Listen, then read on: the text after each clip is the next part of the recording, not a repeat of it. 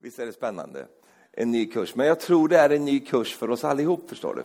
Jag tror att Gud har en... en, en eh, eh målet är detsamma. Det är det, vi är på väg till himlen. Eh, och vi kommer inte ensamma dit, utan vi ska komma dit i, i, i skaror. Men, men eh, eh, det, det, är lite grann som att navigera i en skärgård. Va? Eh, och, och, då måste man liksom, man kan inte bara köra rätt på så, utan man måste följa de här angivelserna som kommer, därför att det ligger saker under, under ytan som, som kan kapsejsa hela fartyget. Eh, och jag har stått där i Stockholm och tittat på de här gigantiska färgerna som går till, eh, du vet, Silja Line och vad allt vad de heter. Eh, och så går de ut ifrån Stockholm och så tänker jag, kära någon, kör på! Va? Nej, han går så här, vet du, färjan. Varför då? Därför är det så mycket grynnor, det är så mycket skär under där som gör att den kan inte bara blåsa på. Och det kan inte du och jag heller göra, utan vi måste vara ledda av den helige Ande. Och vi måste framförallt söka Herrens ansikte och söka honom för vägledning. Amen. Eh, och det är lite kvällens innehåll tror jag här. Eh, sen fick jag ett ord ifrån Tordis också. Många ord här i förra veckan, det var härligt.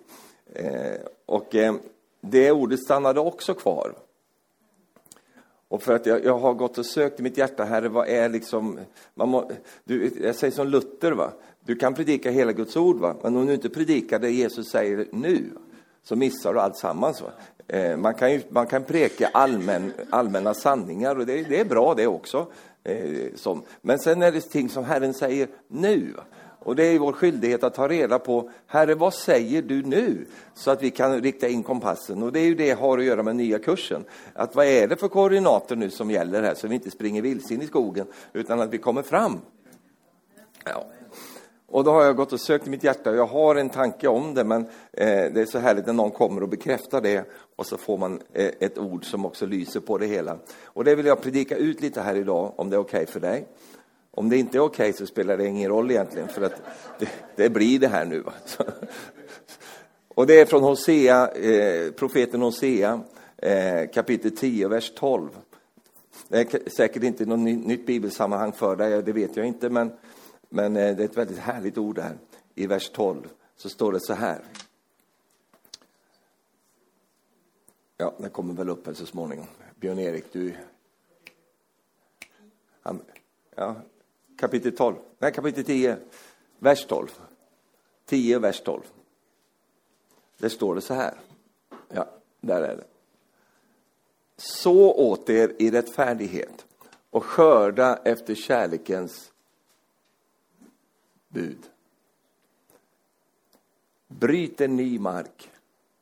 Det är tid att söka Herren till dess han kommer. Och lär er rättfärdighet. Regnar rättfärdigt, men lär er. Kom ihåg, lär er. Det, det, det är bättre, en bättre förklaring till det här. Jag tar det igen. Så åter i rättfärdighet, skörda efter kärlekens bud.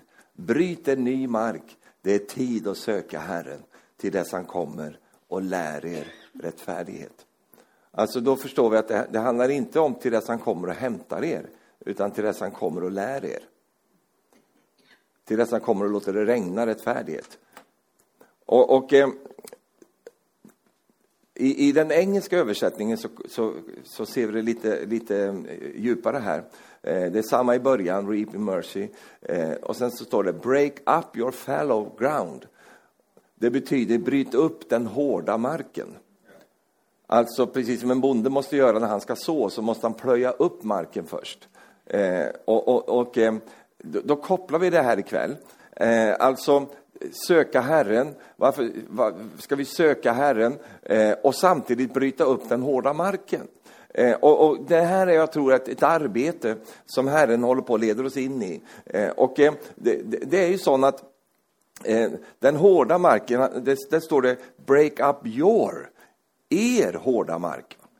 Så då talar han till gudsfolket här, och då i, i vårt fall så talar han till oss Bryt upp den hårda marken eh, så att eh, vi kan så de här underbara sakerna som har med rättfärdighet att göra. Eh, alltså, det är ett jobb att göra. Och hur gör jag det? Jo, jag gör det genom att söka Herren. Eh, därför att det är så när jag söker Herren i mitt liv så sker två saker. Eh, det är så att saker kommer, går ut ur mig, alltså jag ber ut Faderns vilja och så sker saker och förändringar. Men det, det är tvåeggat. Det betyder som svärdet, va? det är tvåeggat. Det sker något med mig också. Och därför så är det inte bara så att det sker en förändring där ute, utan det sker en förändring här inne. Så att Gud kan göra det han önskar göra i mitt liv. Jag menar, han har i Kristus Jesus redan gett dig allting, men du lever inte i allting, eller hur? Visst är det mycket saker i våra liv som vi ännu inte lever i, men vi vet att de finns där. Säden är det inget fel på. Säden är, är, är fantastisk, va? den är ju eh, divine, va? den är gudomlig. Och, och, det är inte säden det är fel på, utan vad, vad, vad, vad som felas oss många gånger, det är att jordmånen inte är mottaglig. Och du vet att om, om vi kastar säd på en hård mark så, så har inte liksom, eh, ska säga, livet någon chans. Va? Därför att det, det, det, det går inte ner i jorden. Den goda jorden, säger Jesus, det är ju den jorden som är bearbetad. Och hur ska jag bearbeta den jorden då som, som är mitt hjärta då? Hur ska jag bearbeta det? Jag gör det genom bön. Och då säger han så här, det är tid att söka Herren. Kan du säga amen till det? Det är, det, det är vad jag tror är verk, verkligen profetiskt. Det är att det är tid för detta nu. Det har ju alltid varit tid för det, men ibland blir det som mer intensivt. Det, och, och, därför att jag upplever så starkt att Herren är på färde. Herren vill göra saker. Herren vill förlösa sin härlighet. Va? Och du vet, Guds härlighet, det är, det är ju eh, kabod på hebreiska, alltså tyngde. Det är att det kommer en tyngd. Va? När, när, när Herren kommer så sveper, eh, så, så, sveper han in sin härlighet. Han kommer aldrig utan sin härlighet, därför att han är ju härlighetens herre. Och när han kommer så kommer kabod. Det, blir så här, det kommer en tyngde som till och med hedningarna känner igen. Va? De vet inte vad det är, men de vet att det är någonting. Det kommer något med Herren. Vad är det som kommer med Herren? Det är hans kabod. Det är hans härlighet som kommer. Jag känner smörjelsen när jag pratar om det. Därför att det finns en härlighet som, är, som, som kommer från Herren. Vad, vad, vad, står det om Jesaja i Jesaja 6? När han fick uppleva Herren. När han kom, vad, vad, vad var han fick uppleva? Och Herrens härlighet kom. Och han, han blev liksom om, omfamnad av Herrens härlighet. Och han kände ju ett omedelbart behov att när han upplevde shum, Herrens härlighet kom. För då visste han nu är Herren här. Va? Och då hade han ett omedelbart behov av att liksom korrigera sig. Han hade behov av att bli renad. Han hade behov av det, för han, han kände, jag är på helig mark här nu. Amen. Och det här, jag, jag kan lika gärna profetera detta nu, men jag predikar ute istället.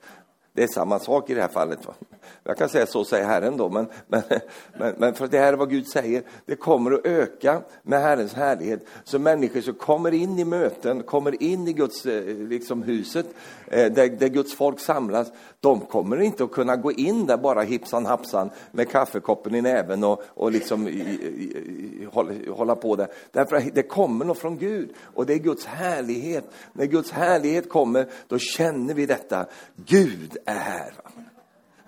Det är inte liksom bara vi som är här, utan Gud är här. Och då, då får vi ett direkt behov av att, att liksom, åh oh, Gud, du, du är här nu. Halleluja. Vi måste ställa saker i ordning, vi måste, eh, de tingen där.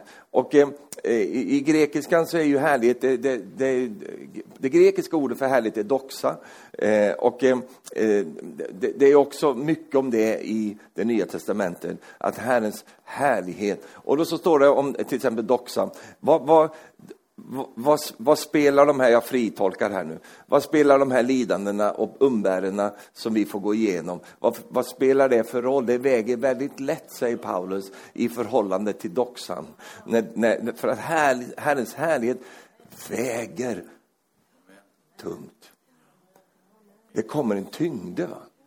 Och det är inte för att du är så tung, va? utan det kommer, det kommer en tyngde. Va?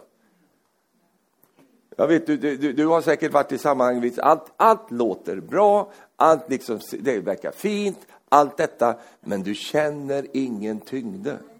Det är ingen tyngd i det. Varför då? Därför att härligheten är inte där och sponsrar det hela. Motsatsen till kabod är ikabod. Och ikabod är ju härligheten är borta. Och jag tror inte att Guds härlighet är, är, är borta ifrån, från våra länder. Utan jag tror bara att eh, eh, ibland så håller Gud tillbaka. Va? Och Gud vill ju inte hålla tillbaka, han vill ju bara förlösa saker och ting. Och, och, och, då tror jag att när vi gör det han ber oss om att göra, söker honom, då kommer också han gensvara med sin härlighet. I härligheten finns läkedomen, i härligheten finns tilltalen, i härligheten finns alla de här sakerna. Och det går inte att ta på det här med, med ord, utan det är något man, det är något man erfar. Va? Och du har erfarit Herrens härlighet många gånger och undrar vad det var för någonting. Men, men för det kändes gott att vara där. Va? Det känns härligt att vara i den här närvaron, för den är så läkande. Och det är i härligheten, eller ur härligheten, som kallelseorden kommer. Därför att när Jesaja då var i, i, i det här så, så kommer ju kallelseorden. Va? Att han blev kallad till att vara Herrens tjänare, det, det skedde i den där närvaron där. Men Han glömde aldrig det där, utan han fick leva med det för resten av sitt liv när Gud kallade honom. Halleluja. Eh, så när vi då söker Herren så bryter vi ny mark. Alltså den där hårda marken i våra egna liv. Jag vill inte att någon ska sitta och tänka och säga, men det där Stefan, det har inte jag någonting med. Jag, jag är supermjuk. Utan vi har alla saker som är, jag säger inte att det, jag säger inte att det är rebelliskhet eller sådana saker, för det, det, tror jag inte att någon har här på det sättet, inte bevisst i alla fall. Utan det är mer detta att saker som har varit i träda i mitt liv, vet du vad det blir? Det blir hårt. Och om Herren som, som är pottemakaren, eller krukmakaren på, på svenska, om Herren som är krukmakaren vill, vill färdigställa sitt kärl, så måste det finnas en mjukhet där. Jag vet inte om du har hört den där mannen där som gick till en krukmakare, pottemakare. Och inte den som snäppte där, den har jag ju också, den tar vi en annan gång. Utan det var en annan eh, bild på det här. Han gick till en krukmakare och så håller han ju på med sina krukor där. Och så, så tittade han på en klump som låg jämte. Då. Och så sa han så här, ja, men den här klumpen där, då? vad ska du göra med den här? Ja, men här, jag började med den här, började med den. Men eh, den blev för hård. Då. Så den får stå här nu lite med, och så vattnar jag den och så håller, sköter jag den så att den mjukar upp, för annars går det inte att forma den här. Jag vill inte vara den som sitter jämte där och Gud säger, vi får vänta lite med dig du. Jag vill ju vara den som Gud kan forma. Och då krävs det en viss mjukhet. Va? Och, och eh, den mjukheten den, den, den, får vi upparbeta i våra liv när vi söker Herren. Vad gör vi mer då? Jo, vi banar väg för Herren genom bönen att komma med just sin härlighet. Och jag blir mer och mer, liksom, inte desperat ska jag inte säga, men jag blir mer och mer liksom passionerad över det. Eh, att Gud kom med din härlighet så att vi kan få se det, eh, se, se dig i din strålglans. Det, det, är i alla fall det som jag mer och mer önskar. Men så står det ju så här, till dess att jag kommer och lär er rättfärdighet. Jag tycker det är lite intressant det där. Till dess att jag kommer och lär er rättfärdighet. Vi har ju ibland gjort ett misstag och det är att vi, vi undervisar rättfärdighet för nyfrälsta. Vi undervisar rättfärdighet för människor som inte har plöjt upp marken. Du förstår att undervisning om rättfärdighet kräver en mognad. Va? Det kräver att människor är redo att ta emot den. För det är ett av de mest dyrbaraste sakerna i uppenbarelsen från det nya förbundet. Det är ju undervisning om rättfärdighet. Och väldigt många människor kan ordet rättfärdigheten men har inte fått ett uppenbarelse över vad det egentligen handlar om. Därför att det här med att vandra i Guds rättfärdighet, det, det är något så exceptionellt. Va? Det är inte en liten sak, utan det är en enorm sak att få, få tag på att jag är i Kristus Jesus, en ny skapelse. Jag är rättfärdiggjord genom Jesus Kristus. Alltså jag kan stå på samma sätt som Jesus står inför Fadern, kan jag stå inför fa samme Fader. Att Jesus har genom hans blod, hans eh, eh offergärning, så har han banat upp en väg för mig och skapat en plats för mig där jag kan komma till Gud utan känsla av skuld, skam eller mindervärdighet. Jag behöver inte känna mig skuldanklagad. Jag behöver inte känna mig eh, fylld av skam. Jag behöver inte ha någonting av det i mitt liv. Jag kan stå inför Gud som om jag aldrig hade gjort något fel. Det är Guds rättfärdighet som kommer till dig och mig. Halleluja. Och du vet att det krävs en viss mognad att, att, att liksom omfamna den tanken. För att väldigt många människor, de, de, de, de, vet vad vi pratar om teoretiskt, men de har inte erfart detta. De har inte fått tag på det. Och, och hur mycket undervisning de än får, så är det som att det bara, det bara försvinner. Det bara, det bara liksom, det försvinner ut på kafferasten. Va, va, va, för mig som är predikant och som har levt med detta i så många år, det har gjort mig så brydd många gånger. Det har gjort mig så här, käre Gud, vad gör jag för fel? Predikar jag fel? Alltså, eh, jag har tänkt på det väldigt mycket. Vad är det som gör, det, är ju fantastiskt det här. Och ändå så liksom, så är det rätt tillbaka till fördömelselivet. Vad, är, vad, vad, och jag tror jag har fått lite grepp på det här, förstår du. Jag tror jag har fått lite grepp på det. Och det är, det handlar om jordmånen. Det handlar om själva marken, jorden som säden sås i. Därför att det står ju detta att de hade ju alla fått samma undervisning om trons vila till exempel. Men för de flesta så blev ordet inte till någon nytta för dem i Hebreerbrevet. Därför att ordet hade ännu inte smält samman med deras hjärtan. Och då blev ju detta fina ord, det blev ju obrukbart. Det var inget fel på ordet, och, det är egentligen inget fel på, på människan heller, utan det är det där, det, det, Ja, ni vet vad jag pratar om. Det är den där bearbetningen, det är den som inte har skett. Va? Och vi, jag erkänner själv skuld i detta, för jag har ju varit ungdomspastor i så enormt många år.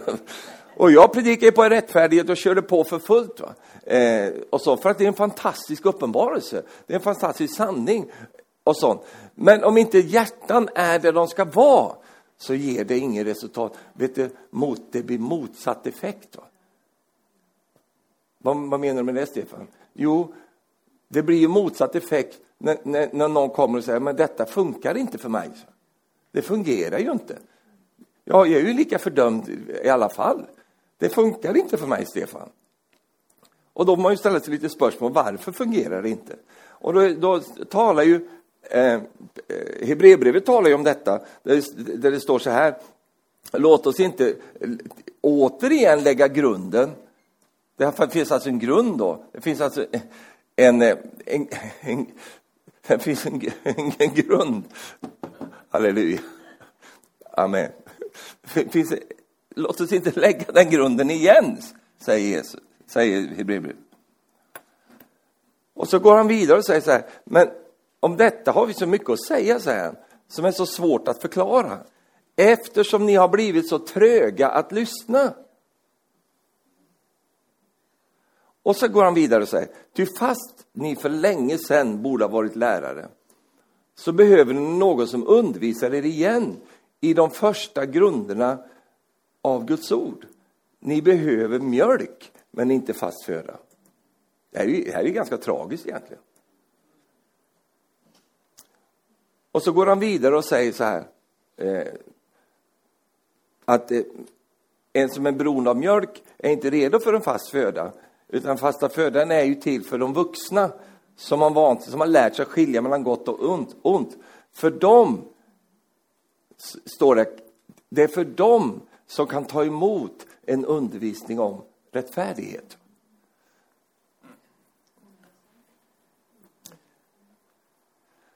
Och när den undervisningen om rättfärdighet, han lär er rättfärdighet.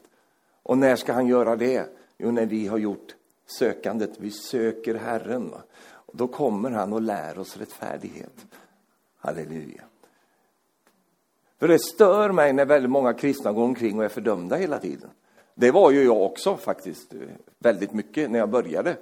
Eh, det här har jag berättat för er, så det, ni har hört det här hur jag kom till Livets Ord som en, en eh, person. Jag hade ju fortfarande mustasch och sådana saker, men, men när jag kom till Livets Ord. Jag var tänd på Gud. Vet du. Jag var tänd på Herren. Oh, jag var så glad att få komma till Livets Ord och gå på bibelskola där. Och allt det där. Jag hade ju träffat Ulf då innan han kom till vår lilla plats där vi bodde.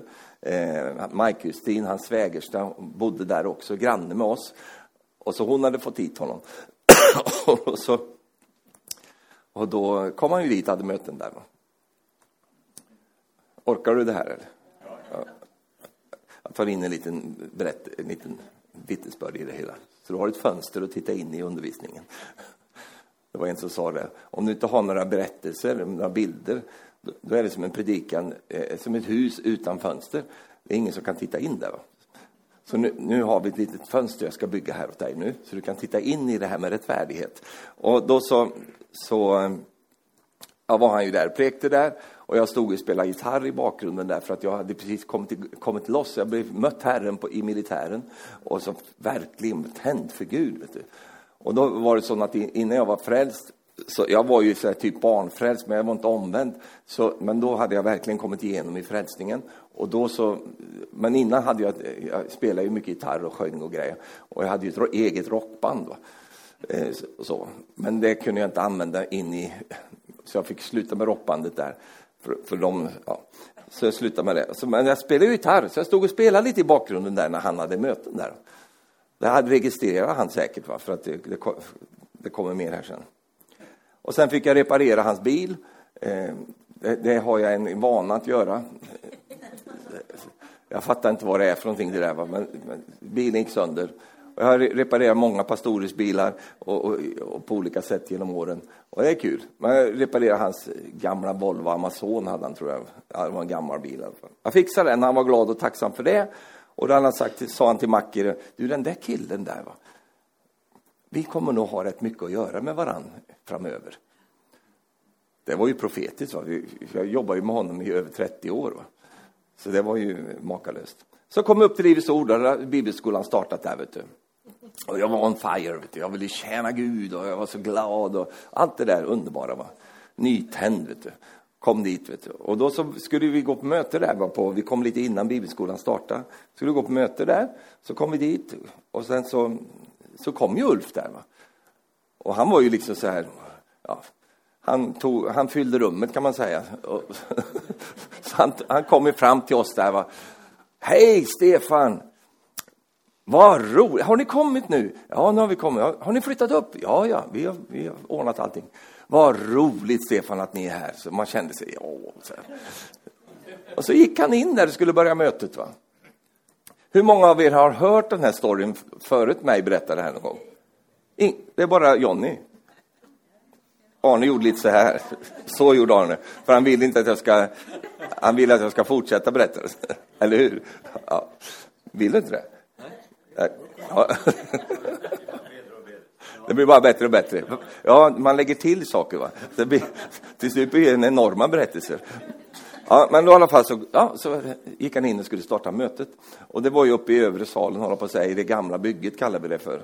Eh, och, och, det var ju något större än det här. Och det var väl kanske 150-200 personer på mötet där. Och vet jag, jag hade sett så mycket folk samlade. Jag kommer ju från en liten bygd. Va? Så jag, jag tyckte det var våldsamt. Oj, kan man få in så här mycket folk här? Så jag stod ute där i vestibulen och så säger han, så kommer Ulf tillbaks till mig. Han skulle in och starta mötet och sen kommer han tillbaka innan han startade. Så säger han så här, ja men du Stefan förresten, du, du spelar gitarr va? Och då tänkte jag att han skulle skryta på mig lite så här, va? sett mig spela där i min... Så då sa jag, jajamän, det gör jag. Spela, vet du. Och vad bra, så. jättebra. Då kan du leda lovsången här ikväll, Stefan. Du vet, det var ju pionjärtider, va? det fanns ju inga, inget ordnat. Va? Så, att vi, så det fanns ju ingen som sjöng den där, just den där kvällen där. Och du vet att jag, jag, jag, jag dog. Jag, för jag hade aldrig lett någon lovsång i hela mitt liv. Jag hade ju haft ett gammalt rockband som jag spelade och det var inga sånger man kan sjunga på ett möte. Och sen hade jag i och för sig varit med i lite bönegrupper och sådär, det fick jag, var jag med där. Vi var ju så tända på allting, så vi sprang ju på allting som hände. och där spelade jag, och då sjöng vi lite sånger där, va, som jag lärde mig. Sätter oss i ringen och tar varann i hand. Vi är en massa syskon som tycker om... Den kunde jag då. Och sen det lilla ljus jag har, det ska få lysa. Så, så, vi sjöng lite sånt där. där då. Men det kände jag ju ganska på en gång. Det är nog inte... Det är, jag kanske inte ska ta upp de sångerna här. Det, det kändes inte... Nej. Så jag skulle precis säga nej, va. Då hade han redan gått in och startat upp mötet där inne. Jag hörde ju, han tog mikrofonen så började han Välkomna här hit ikväll allihopa, underbart att se er allihopa. Ska ha härligt möte ikväll. Och ikväll så har vi en ny broder med oss här som ska leda oss inför Herren i lovsång här. Broder Stefan, kom, kom fram och, och ta, led oss inför tronen. Och jag tänkte, nej det kommer inte gå för vi har ingen gitarr, ingenting här. Tror du inte att de hittar någon gammal gitarr där i något skåp någonstans? Och släpar fram den ostämd och va. Och jag tänkte, och då kom, Jesus hjälp mig, ge mig en sång. Jesus, jag måste ha en sång jag kan ta upp här. Va? För jag, jag, kände att det går inte att fråga honom om sånt. Va? Utan här gäller det bara att kliva på tåget. Så, och då hade, vi, då hade vi lite sånger också i den där bönegruppen som vi sjöng som var lite mer fart på. Och en som, het, som var den här, fröjd i Herren, fröjd i Herren, fröjd i Herren, halleluja. Den kan ni inte, nej. nej. Det var knappt så jag kunde den heller, ska jag säga. Men, men, så då tog jag upp den då. Och då av någon grund som jag inte kommer, förstod riktigt, men som blev ganska bra ändå. Det var att jag gjorde allting mycket tjappare. Va? Så istället fröjd i Herre, så här släpigt, så här dansbandsstilen. Va? Fröjd i Herre, fröjd i här. fröjd i Det finns, man kan sjunga så. Men jag fick upp farten på den. Va? Så jag, Fröjd i Herren, fröjd i Herren, fröjd i Herren. Halleluja. Så vet du, det var ju omöjligt att stå still då, vet du. Och sen hade jag en sång till. Detta är dagen, detta är dagen som Herren gjort. Ja, som Herren. De där två hade jag, vet du. Så jag tänkte, vi kör dem då. Så då började jag, vet du. Och så kör den där. Fröjd i Herren, fröjd i Herren, fröjd i Herren. Och sen blev jag så nervös va, när jag höll på där. Va. Så då började jag hoppa där, vet du. Och studsa där. Och, vet du, och då när jag satte igång där vet du, och hoppade grejer, ja då började allihopa hoppa där vet du. Så hela, kyrk, hela kyrkan, och ni som var med på den där tiden, det var ju inte ett möte då vi inte hoppade eh, det här liksom eh, eh två-step, two-step dance. Va? Det var ju inte ett möte. Alla hoppade och studsade varenda möte. Gissa vem det var som startade det där? Det var jag som fick igång den där traditionen där. Och vi hoppade och dansade. Och så medan jag hoppar där och sjunger och prisar Herren sådär va, så fick jag en sån fruktansvärd liksom, eh, fördömelseattack i skallen. Va. Men så såg ju glad ut. Så här. Din idiot. Va. Vad, vad håller du på med? Du, du förstör ju hela mötet. Va. Du är inte klok, ser du inte på Ulf? Han ser ju så arg ut. Va? Han ser, du, du saboterar ju allting. Va? Och jag plågades med det. Och ju mer den tanken kom, fröjd i Herren, ju mer dansade vi, vet du. För det var en våldsam dans där. Ja, och sen, så, ja, så till slut så tog jag den här plågan slut, va? så jag fick gå ner och sätta mig. Och så skulle han predika. Va? Då malde de här fördömelsetankarna där. Va? De malde. Oj, vilken plåga du har gjort bort det du. Tänk att du, hur vågar du i detta heliga rum, så blir det så religiöst också allting. Åh, du har syndat inför Herren, alla de här. Och så känner, för jag har ju en sån bakgrund. Va? En, en, alltså, mina, mina föräldrar var ju pingstvänner och allt det där. Det var väldigt mycket blandat vatten där. Alltså. Så jag hade ju liksom det med mig på ett sätt. Va? Jag kom ju inte rätt från världen, utan jag kom ju, ja det gjorde jag på ett sätt, men jag hade ju alla de här tentaklerna fanns ju där i min själ. Va? Och, så for, och så satt jag ju där och predikade. Va? Och i, i början var Ulf väldigt skarp så här. Va? Det var han ju sen också, men han var ju, väldigt, han var ju ung. Han var snabb och skarp och allt möjligt. Så predikade han på där. Och du vet att jag kommer inte ihåg någonting av det positiva som han sa. Utan jag kommer ju bara ihåg saker, saker som gick rätt ner i mitt fördömelsehål. Va? Så han sa, det var säkert en del, för folk applåderade ju och glada och ropade lite sådär. Men jag hörde ju bara så här, ja det finns människor här ikväll som behöver göra upp saker. Jajamän, det är jag. Direkt. Jo, det är jag. Det finns människor som inte har det riktigt rätt ställt. Nej, precis. Jag har det inte rätt ställt. En del är långt borta från, jajamän, oh vad långt bort det är. Alla sådana grejer, det tog jag personligt. Det handlar ju ingenting om mig. va. Men fördömelsen gör att du lyssnar på fel saker. Och sen då när det kom mer och malde på va? och till slut var han färdig med predikan och så skulle han bjuda in och då var det avfällingarna som skulle komma först och, och syndarna och allt det. Ni är välkomna fram och ta emot Jesus och göra upp era liv. Då var jag på väg upp direkt. Va? Nu ska jag göra upp allt, allt som han har sagt där. Men när jag reste mig från stolen där så jag var precis på väg upp så. Va? Och ni som vill då ta emot och göra upp era liv, välkommen fram här. Och då reste jag mig direkt. Och broder Stefan, då kommer du upp här och tar lovsång. Så fick jag bara, då fick jag, då fick, då fick jag, då fick jag bara göra om alltsammans. Ja, just det, han med.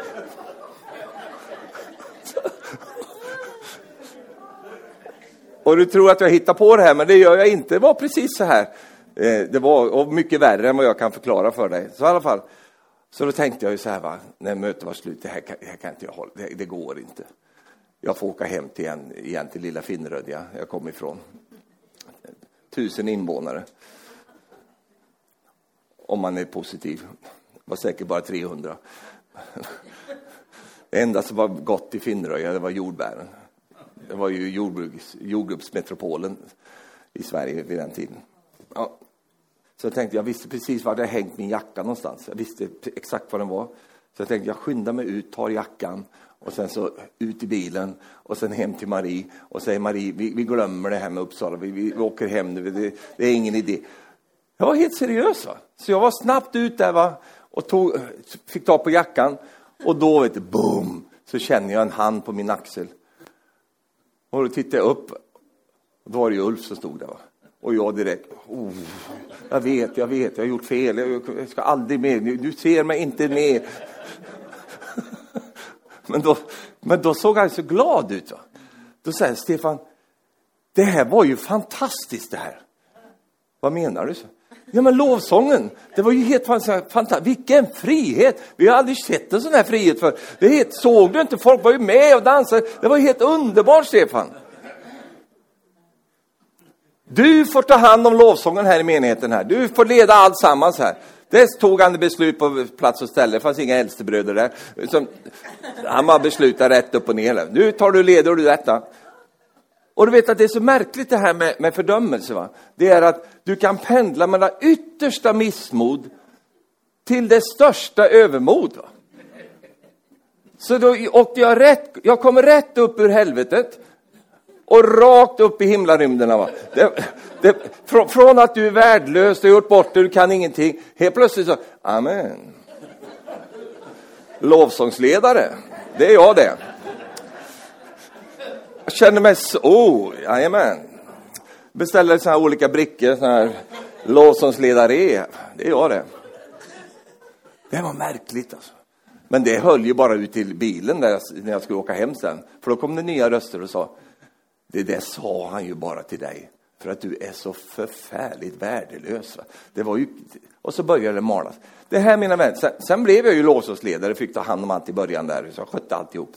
Fick ju lite hjälp av Marie Duva och, och Eva Bark och lite olika saker. Sen kom Eleonora Latti in sen så småningom, och så blev de av med mig. och det var tragiskt. Men, men då i alla fall så, så höll jag ju på med detta ett antal år och, och ledde lovsången och allt sånt där. Men du vet, då under den första perioden där så var jag så plågad.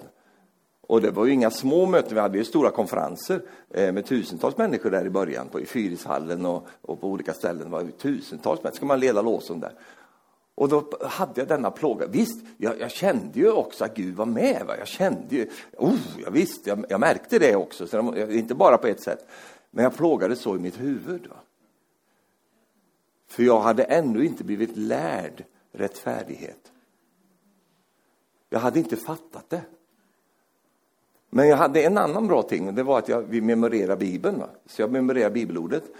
Och då hade vi memorerat på bibelskolan, eh, eller vi var på olika versar. Så kom jag en dag och skulle, skulle liksom läsa bibelordet för dagen. Och då kom, det, kom jag till Romarbrevet 8, vers 1. Och det är många som vet vad det står där. Det står det, så finnes nu ingen fördömelse för dem som är i Kristus Jesus. Till livets andes lag har i Kristus gjort oss fria ifrån synden och dödens lag. Och du vet att helt plötsligt var det som den bibelversen hoppade upp i bibeln och, och, och, och dansade framför mig. Va? Så det som jag brukar dansa när jag kommer i, i, i smörjelsen. Och då tänkte det finns ju ingen fördömelse. Jag har ju massor av det. Hur kan man ha någonting som inte finns?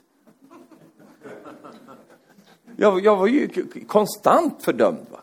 Jag måste e, erkänna det, att innan jag var frälst så var jag inte speciellt fördömd. Alltså.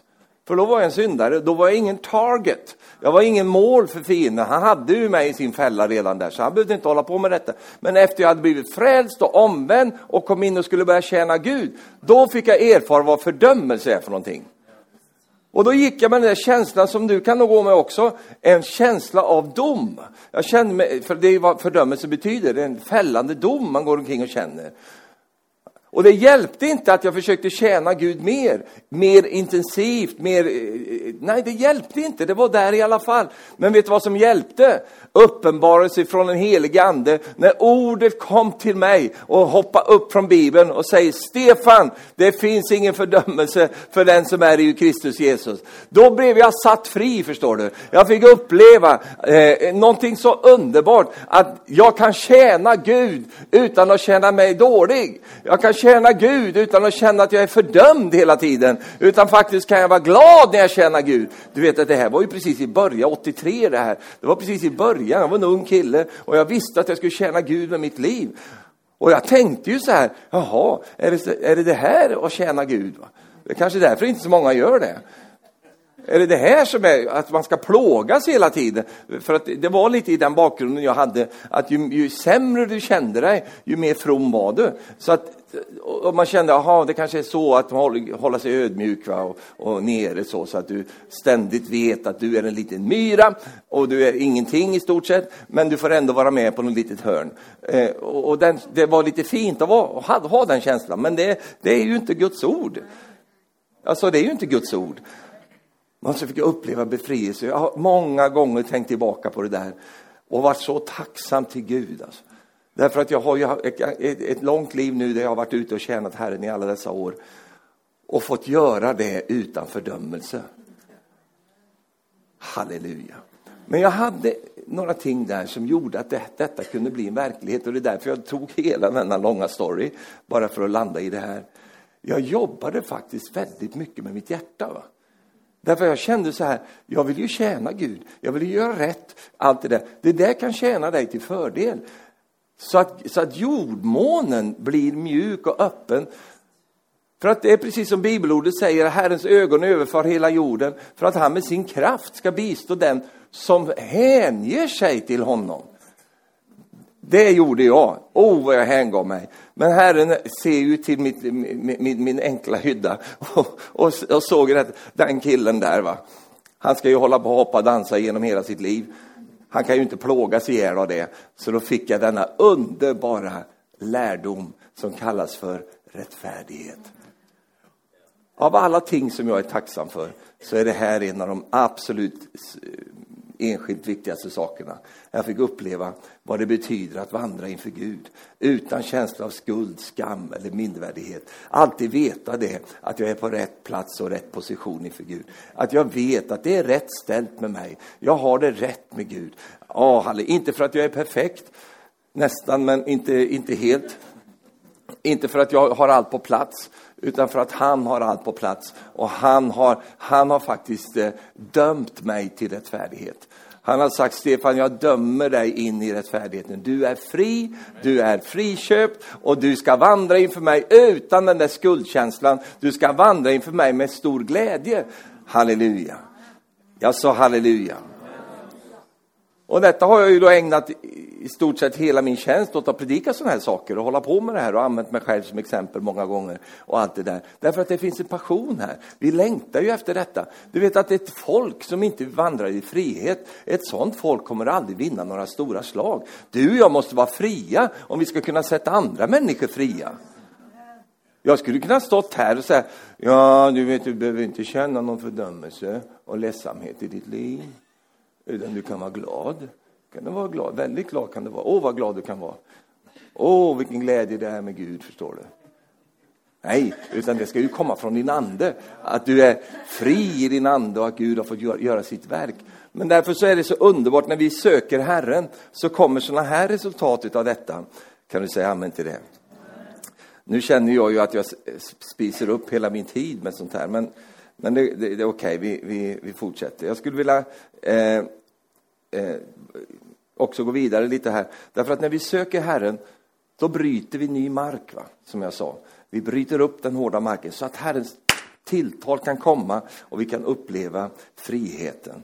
Vi banar också vägen för Herrens rättfärdighet, eller Herrens härlighet, så att han kan komma och lära oss rättfärdighet. Amen. Men också genom bönen så bearbetas vårt hjärtas jordmån så att vi kan ta emot det underbara ordet som kommer. Så att det inte är som stengrunden bara faller där, eller som är vid vägen bara faller undan, eller vid törnerna, utan det är en god jordmån. Och det är det som vi kan bearbeta när vi söker Herren. Kan du säga halleluja? Amen. Jag vill, jag vill skifta lite fokus här nu, om det är okej okay med dig. Därför att vi ska komma, nu har vi skattat mycket här, och varsågod, du får skatta hur mycket du vill. Men det finns en annan dimension i det här också som, är, som också finns med. Därför att när Herren befriar dig, så befriar han dig. Det betyder att du får tillgång till alla de känslorna som tillhör dig. Alltså en människa som bara skrattar hela tiden, då kanske vi behöver ringa någon. Nej, nej, nej, nej, så kommer de och så behandlar de den personen. Va? Därför att livet är inte bara skratt, det är inte bara, utan det finns en annan dimension i det här också. Och det är ju som det står så här, jag skulle vilja föra dig dit, psalm 126. Psalm 126, vers 5. Där står det så här.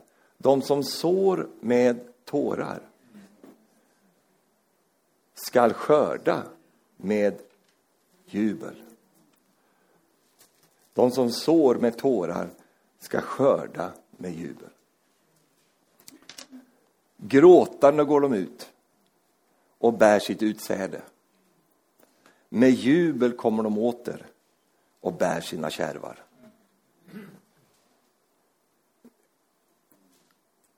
Halleluja. Vi växlar in på det spåret lite grann här nu. Amen. Därför att jag tror att detta, där befinner vi oss nu.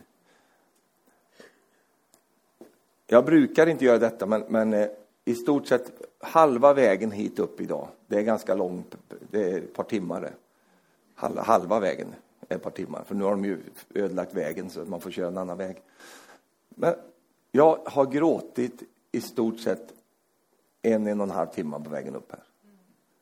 Och det är inte för att, oh, nej, ska jag behöva åka dit igen? Jag orkar inte mer, jag orkar inte med de där människorna. Det var inte sådana tårar. Och det var inga tårar av, egentligen av, av deppighet eller något sånt där. Utan vet du vad jag kände, Arne eh, och Erna och Laila och ni andra? Jag kände, och det teologiskt funkar inte riktigt, men det spelar ingen roll. va. Jag kände att Gud flyttade in i min Merca. Att Gud satte sig jämte i min Mercedes där. Och du vet att när han, när han dyker upp så där, va, jag vet att han är i mig. Jag vet det, han är alltid hos mig. Men ibland så är hans kommer hans härlighet. Så bara kom in i bilen när jag satt där.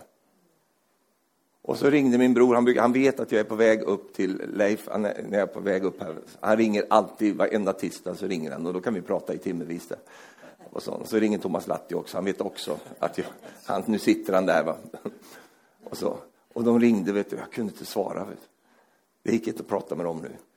För jag hade ju besök i bilen. Åh, oh, vilket besök alltså. Och så bara grät jag, grät jag, grät jag, grät jag, grät jag. Bara grät jag, bara strömmade ut tårar. Så bara, ah, jag kunde inte stoppa det. Och jag ville inte stoppa det heller. Jag ville bara låta låt det bara skölja. Va? Halleluja. Jag var inte ledsen, inte alls. Något bedrövad, det har jag varit en längre tid. Att man känner sig bedrövad över tillståndet. Och du vet att Jag vet inte, jag funkar så här. Jag, jag analyserar mig. Vilka snygga glasögon hade det, Jonny? Tuffa grejer.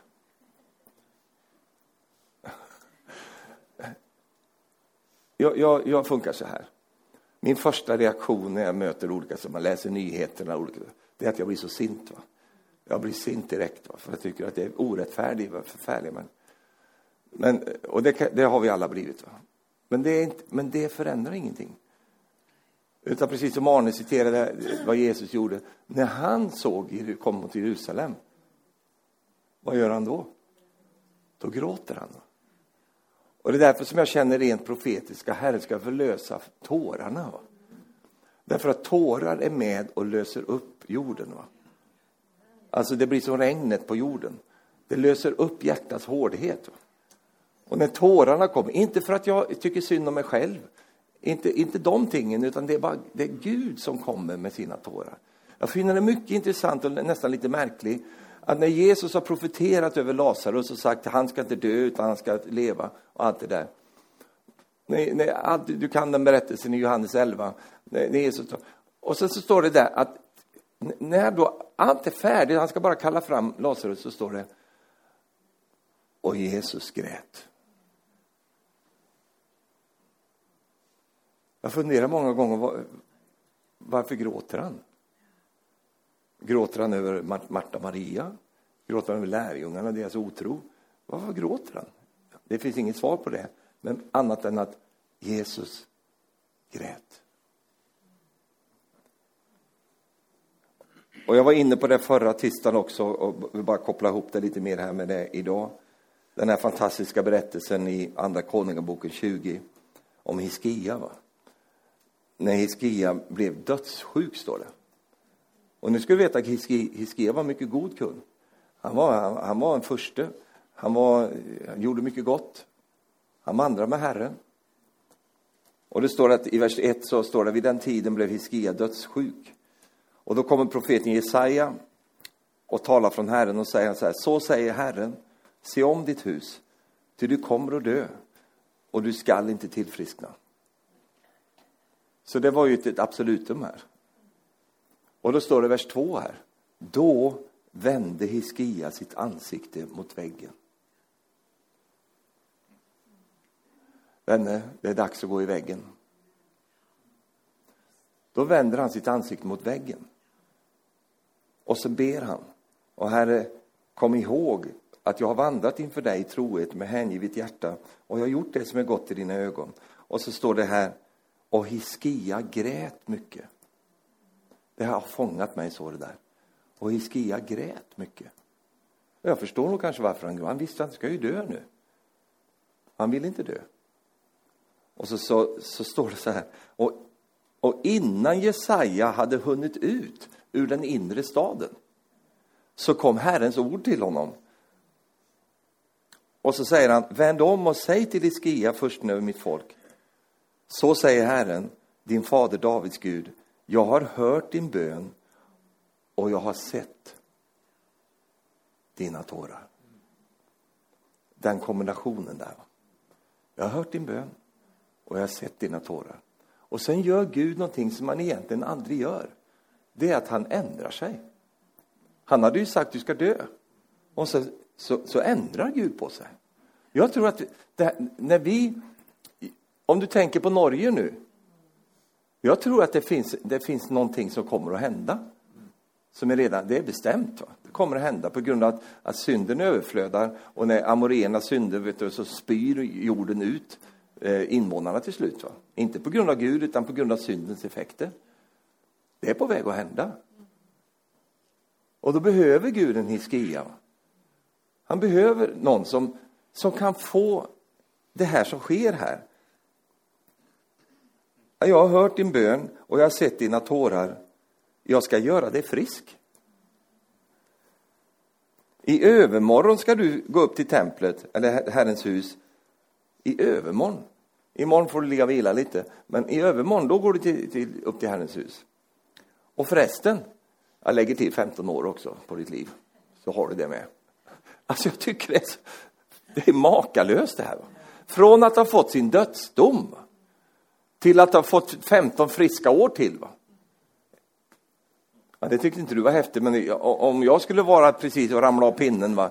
Och, så, och så kommer Herren och säger, men du förresten, vi, vi, vi, ta, vi kör 15 år till du. Och du ska vara frisk hela tiden. Hur kunde detta ske? Jo, därför att vi bär ut vårt utsäde med tårar. Va? Alltså, och det är ju så att vi engagerar oss själva så mycket så att hjärtat kommer i rörelse. Så att vi känner detta att Gud, och du vet att, jag vet, du är ju människa, erkänn att du är människa, jajamän. Du är människa, det är jag också. Du är på platser ibland i ditt liv då du är så förtvivlad och det är sånt, så det enda som kommer ut är tårarna. Va? Men de tårarna är också en bön. Va? Och Herren ser de sakerna. Och han, han, han, han, han, han, han, noggrant ser han de sakerna. Och jag tror att det är tid faktiskt att eh, faktiskt fälla tårar. Det är många som är arga på nationerna idag. Det är många som talar dom över nationerna. I Sverige finns det de som åker runt och predikar dom va? över landet, att Gud är vred och Gud är arg. Men jag, jag ser inte tårarna. Var är tårarna över landet? Var är tårarna inför Gud? Var är det någonstans? Och det är det Gud vill förlösa. Och det har effekt. Säg det har effekt. Jag har väldigt mycket mer att säga här ikväll, men jag ska inte plåga dig mer nu. Så mycket. Lite ska jag plåga dig med. En ting i allt det här också det är att nu när vi börjar gå in och söka Herren va, så vet ju vi vad, vad krönikeboken säger till exempel där det står att om, om vi söker hans ansikte. Är det någonting som Gud önskar, det är att du ska söka hans ansikte. Vi är, ju som, vi är nästan utbildade experter på att söka hans händer. Va? För vi vill ha någonting av Gud. Vi vill att Gud ska göra någonting. Och hans händer, det är hans förmågor, det är hans kraft. Och det är inget fel att förvänta sig att Gud sträcker ut sina händer. Det, det bad ju eh, första församlingen, sträck ut dina händer, låt dina tecken underskyda. Det är, inte, det är inget fel med det. Men det börjar inte där, utan det börjar med, Herre, vi söker ditt ansikte. Jag håller på att prata med Herren eh, om lite olika saker. Och en sak, är jag ställer ett spörsmål till Gud. Jag säger Gud, vad gör dig glad? För vi, vi, vi brukar säga, Jesus kan inte du göra mig glad? Det är en väldigt dålig relation det där. Jag är ju gift sedan många år tillbaka. Och har en väldigt bra relation med Marie och vi har en väldigt kärleksfull relation och så. Och då, då brukar jag tänka så här om med Marie. Tänker, Marie, vad gör dig glad? Vad blir du glad utav? Och om jag kan göra sånt som du blir glad av, då blir jag också glad. För när du är glad, då gör du mig glad. Istället för att vända på det och säga så här, ja, men vad kan du göra för mig? Om du är lite mer snäll mot mig, då ska jag kanske vara lite snäll jag också. Istället för att bara gå lite där och se, vad, vad blir hon glad utav? Och hon blir ju inte glad över sånt som jag brukar bli glad över. Jag blir glad när jag får köpa nya delar till bilen och ordna i garaget och sånt. Då blir jag jätteglad. Men hon blir inte ett dugg glad. Jag, så, så, här, inför hösten här sa Marie, nu har jag köpt nya fina däck åt dig till din bil. Ja, ah, vad bra. Ja, men det är väldigt speciella däck, så. Det är väldigt fina så. Ja, underbart. Vad då underbart? Ja, det är inte det som hon blir glad av. Men när jag, när jag kommer på morgonen, nu på, nu på så jobb, börjar hon så tidigt, så, så kommer jag hem så sent på natten. Och så säger Marie, jag kör dig till jobbet imorgon. Nej, men du, du har ju precis kommit hem. Ja, men jag gör det. Jag kör ett jobb imorgon. Slipper du åka där och parkera och grejer. Då märker jag. Då blir hon glad.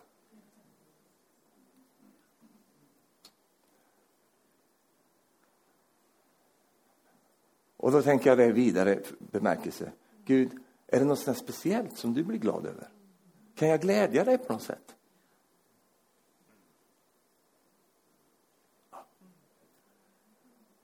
Det finns en del saker om det där i Guds ord som vi får anledning, orsak att återkomma till så småningom. Men en sak som jag vet att han önskar, det är att vi vänder våra, våra, våra blickar mot hans ansikte och söker hans ansikte. Du säger till dina barn, se på mig. Titta på mig. Pappa vill prata med dig nu. Du vill inte att de ska sitta ner där. Vill du ha ett dåligt äktenskap? Sitt och titta på mobilen och avisen medan din, din älskade pratar till dig. Då får du snart en mobil i huvudet. Därför att det är ju det där, va? vi möts, vi pratar, vi koncentrerar oss på varandra. Och, sånt. och det här är ju en stor utmaning i vår tid. Va? Du vet, klostermunkarna, de kan det här. Nej, jag håller inte på med katolik, okej? Okay? Men klostermunkarna är väldigt duktiga på sånt här. Att fokusera. Och vet du vad de säger? Gör en ting åt gången. Gör en sak åt gången.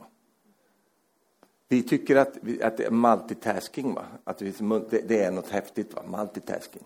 Då säger munkarna så här, det är bara högmod. Att vi är så flinka, kan göra många saker samtidigt. Nummer ett, det kan vi inte. Och nummer två, så är det bara ett övermod i det där. Gör en ting. Och när vi kommer till Gud så ska vi inte stå och multitaska framför honom där. Va? Kolla här, här, jag kan göra alla möjliga grejer. Va? Utan vi fokuserar. Och det är därför Jesus säger, stäng dörren om dig. Gå in och var, var där inför. Och vet du vad jag tror? Gud blir glad när vi gör det. Jag tror det. Vänd ditt ansikte till honom. Därför att om du vänder ditt ansikte, gissa vad han gör då? Då vänder han sitt ansikte till dig. Och så uppstår ett möte. Och du vet att det är ju i ansiktet sitter i munnen. Och då så talar Gud. Va? Och vi behöver höra honom tala. Amen. Jag ska avrunda med det här nu då, om det är okej okay för dig. Jag vet att jag har nog hållit på lite för länge här ikväll, men nej, så farligt är det inte. Du har ju betalt. Det finns ju en, en eh, berättelse här idag, eller i, i Bibeln, som vi vill ta idag. Där det står om, om eh, Samuel. Samuel han blev ju överlåten av sin mamma till Herren. Och han växte upp i templet. Men han lärde sig inte det som templet representerar. Han lärde sig aldrig att höra från Gud. Därför att det var avfällighet i landet och, och Eli var ju avfällig och hans söner och allt det där. Det var, det var ingen bra, på ett sätt, bra plats. Men Gud beskyddade honom. Så han växte upp där pojken då. Och du kan den här berättelsen säkert, men, och, och du kan läsa den själv i Första Samuelsboken 3. Så står det här. Och då, då, en kväll när han har gått och lagt sig här, så hör han en röst, Samuel, Samuel. Och då tror Samuel att det här är ju, han, det är ju Eli som ropar på mig. Och, och då springer han fram, nej jag har inte ropat på dig. Så går han tillbaka, och så gör, detta sker ett antal gånger. Men den tredje gången då när han kommer där, så fattar, Eli fattar, även om han var lite, lite sån, så förstod han, nej det här är någonting annat. Va? Det här är något annat. Det här är, nej, nej, det är Herren som kallar på honom. Och det var ju klokskapen hos Eli, där han då skickar tillbaka Samuel och säger så här, nej du ska säga så här nästa gång. Och det är just det här som jag, jag vill citera. Du ska säga så här, tala Herre, din tjänare hör. Och det är precis dit vi, vi ska komma i vårt sökande av Herren. Vi behöver att höra Herren tala till oss. Jag vet att, att eh, du, du, hör Herren tala, eh, men för en specifik tid. Då. Tala, Herre, din tjänare hör. Nu var han bara en liten guttunge. Va? Och då så förstod han detta, att eh, nu, nej, nu måste jag höra nu måste jag gensvara på det sättet när Herren ropar på mig. Och jag hör Herren ropa på oss. Han, han ropar på oss precis som, som så många andra gånger i Bibeln när Gud ropar på sitt folk. Och säger kom upp till mig. Och då söker du Herrens ansikte. Och så har du en bön i ditt hjärta. Herre, tala till mig, din tjänare hör. För i det så har du och jag underordnat oss någonting. Vi säger, Herre, din tjänare, vad gör en tjänare? Jo, han får ju uppdrag från sin herre och det ska vi också få.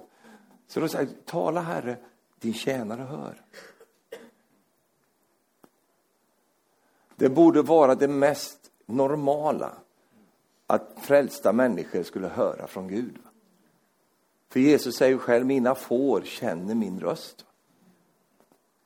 Men när det någon gång man får spörsmål, inte minst från unga människor, så här, ja, så jag förstår inte det här med att höra från Gud. Jag, jag, jag fattar inte det. Jag hör aldrig från Gud. Men du vet att Gud vill hjälpa oss, precis som han hjälpte Samuel, så att vi kan höra från Herren. Därför att vi behöver höra vad Gud säger. Och det har med framtiden att göra.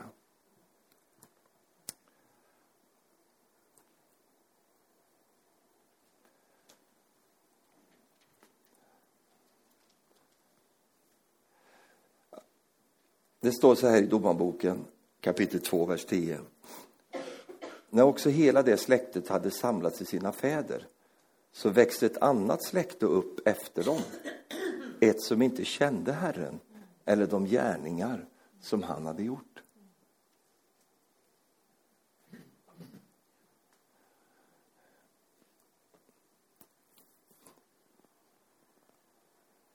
Jag är så oändligt tacksam att jag har fått vara med om vissa saker i mitt liv. Men jag inser ganska snart att det är inte var mans erfarenhet. Och, och du kanske också säger, men jag har upplevt Herren så starkt i mitt liv. Prisa honom för det. För vi har ett uppväxande släkte, en generation, som inte känner Herren. De säger sig vara kristna, de, de, de tror på Gud, men de känner inte Herren.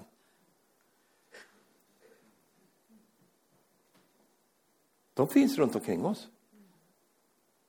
Du har ju barn och barnbarn som inte vet vad du pratar om när du kommer med din andlighet och allt det här. Det finns I mötet här idag så vill de inte att farmor ska... Nej, nej, nej, be inte så där, håll inte på så där. Eller mormor. Nej, nej, nej. Det är din, din egen avkomma. Alltså, det här, det här med att vandra med Gud, det är färskvara. Det, det, varje generation måste upptäcka vem Gud är och få ett möte med honom. Alla, varje generation, den dör ut annars. Nu har ju Gud ett sätt att kunna reviva eh, så i varje generation. Men vi har ju runt omkring oss eh, i vår tid som lever, här och nu, människor som inte känner Gud. De känner till om Gud.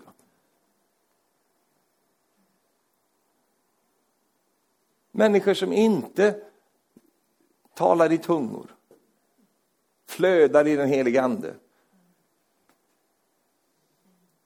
Utan är långt borta ifrån det. Men eh, vi har ganska mycket bönematerial om man säger så. Att be, de här, be det här. Paulus, när han vandrade på, på, på jorden, så såg han det ganska snabbt. Va? Han säger till galatierna, vad har hänt med er? Var har ni tagit vägen någonstans? Vad, vad är, vad är, ni, ni, ni har ju fått Jesus uppmålad av anden såsom korsfäst. Ni har ju fantastiska erfarenheter. Vad, vad händer nu? Och så säger han någonting där som jag tror att vi ska komma in i här också. Eh, här, vi kommer ju ha en sån här eh, vecka tillsammans här om ett tag. Men, men vad jag tror att Gud vill göra nu med oss. Då säger Paulus så här. Jag måste med smärta föda er på nytt igen. Alltså med smärta måste jag gå in och föda fram liv i er igen. Det är Paulus egna ord, det är så han pratar. Och det är bön. Va? Och det tror jag kommer nu. Jag tror det kommer. Halleluja. Och han säger också i det sammanhanget så här, smärta. Så till dess att Kristus har tagit gestalt i er. Va? Så vad han beskriver, ja men Kristus har ju inte tagit gestalt i dem. Hur ska de då kunna liksom förstå glädjen i att tjäna Gud och allt det där som vi har, som, som, som vi använder oss utav. Hur kan de, de har ju inte fått Kristus, har ju inte tagit gestalt i dem. Och hur ska han kunna göra det? Jo, han behöver någon Paulus, han behöver någon som, som ber fram med smärta så att Kristus kan ta gestalt i dem. Amen. Halleluja. Jag sa halleluja. Kolla bashandololoria. Sibrakandololosia. Det finns en, en ganska sorglig berättelse på ett sätt i, i du vet Salmons tempel som var ju makalöst tempel eh, och så vackert va och så kraftfullt och så majestätiskt. Men sen så blev ju det ödelagt och sen kom ju det här trätemplet som byggdes senare sen. Eh, och, och, så. Och när, när det templet byggdes och de invigde det templet så har du olika generationer där. Va? Så har du en generation då som var med och har sett det gamla templet. Va? Och sett den. Och så har du de som inte hade sett det. Och det står att båda de här grät. Va? Och de första, de grät av sorg, va? för de såg att det här är ju ingenting i förhållande till det vi har sett. Men de andra som inte hade sett det, de tyckte, wow, woho! vilket tempel, wow! Jag tänker mycket på det i den här tiden. Där man, oh, wow! men, vad är det för wow med det här? Om du har sett andens verk, sett liksom Gud går fram på ett, på ett makalöst sätt och sen får se någon slags kopia utav detta sen. Det gläder, det gläder dig inte. Och jag tror att det finns människor här ikväll som har den här lite konflikten på insidan kan man nästan säga. Det är liksom som ah, så här. Vad är svaret på detta då? Jo, svaret på det, det är att Gud vill komma på nytt igen. Va? Och låta sin rättfärdighet regna ner över sitt folk. Va? Halleluja. Halleluja. Tack Jesus. Jag profeterar över det nu, att den kommande tiden ska Gud öppna dina tårkanaler. Han ska öppna upp dina tårkanaler. Så att du kan gråta av, från anden och låta tårarna bara strömma ner från dina kinder. Vet du varför? För Gud behöver de tårarna. Han behöver det för att väta upp det hårda. Han behöver det. Halleluja. Ja, men Stefan, jag är en glad. Jag vill vara glad. Kan vi inte vara glada nu? Jo, jag är superglad själv också. Men om Jesus står och gråter när han tittar in i Oslo när han tittar in över Norge. Om han står och gråter, ska du stå jämte och skratta då eller? Nej, låt oss gå in i hans börda. Låt oss gå in i det som han lever med. Låt oss koppla ihop med en helig ande där. Och vet att, eh, vet Steve Hill han skrev en bok om det där, tid att gråta. Och jag har tänkt på det där, ibland är det tid att gråta. Predikaren säger det, det finns en tid att gråta en tid att le, en tid, det finns en tid för allting. Och nu tror jag att det är en tid att gråta. Halleluja. Och vi gråter inte inför varandra, vi gråter inför Herren. Hiskia grät mycket. Du vet, han var ju en första, han var en kung, va? det gör inte kungar. Men Hiskia grät mycket. Och det räddade livet på honom. Och Gud kommer att förlösa detta över ditt liv. Och du vet, det, är någonting med det här att gå och vara lite småledsen. Va? Har du varit det någon gång? Lite deppig? Nej, just det, jag glömde bort. Jag är ju i Sarpsborg, det är ingen som är deppig här. Men visst har du varit lite deppig ibland? Och lite så här. Du är inte jätteledsen va?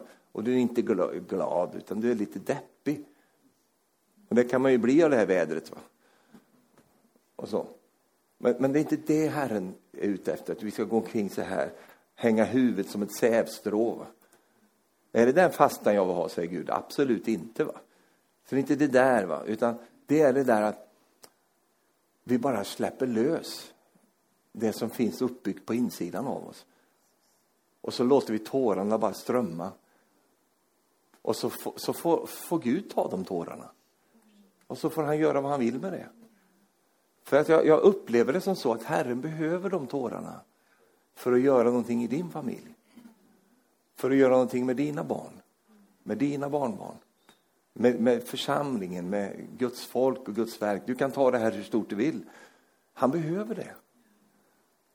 Jag tror vi är där just nu. Och visst, gråtande bär vi ut vårt utsäde. Vi gör det.